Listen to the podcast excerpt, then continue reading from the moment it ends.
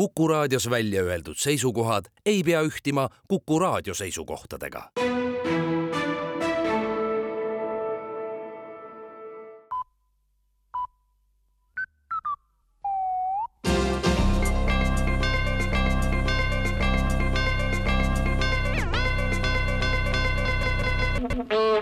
tere uudistestuudiost, mikrofoni juures Rohke Debelak eile loodi Riigikogu sisulise töö toetusgrupp.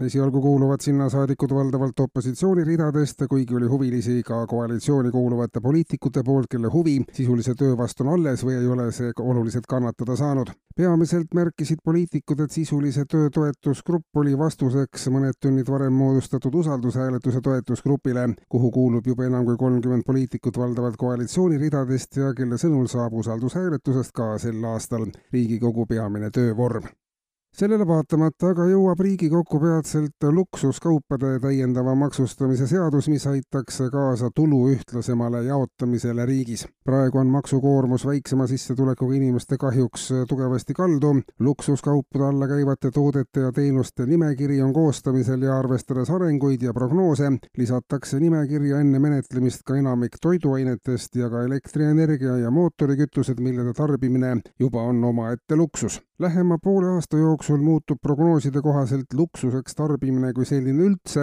ja ka vähese sissetulekuga inimesed saavad igapäevaselt luksuskaupu tarbida veel annab valitsus teada, et saadab peatselt abieluvõrdsuse seaduse Riigikokku tagasi, et tagada tõeline abieluvõrdsus. siiani on abielu puhul sageli olnud nii, et alguses isegi on mõlemad abielu sõlminud inimesed abielus, aga siis varem või hiljem üks nagu on iga päevaga üha vähem abielus ja teisele tundub, et lõpuks ongi abielus ainult tema teine jälle väidab, et tema on ainsana abielus. selliseid abielusid, kus mõlemad oleksid võrdselt abielus, jääbki järjest vähemaks. üks nagu on ja teine on ikka vallaline edasi. abieluvõrdsus aga tagaks selle, et ka mõlemad võivad abielus olles vallalised edasi olla, sest nii on võrdne politsei aga tabas möödunud ööpäeva jooksul liikluses neliteist autojuhtimisega tegelevat inimest kõik tabatud olid kained, keskendunud ainult auto juhtimisele, mis on üha ohtlikum areng.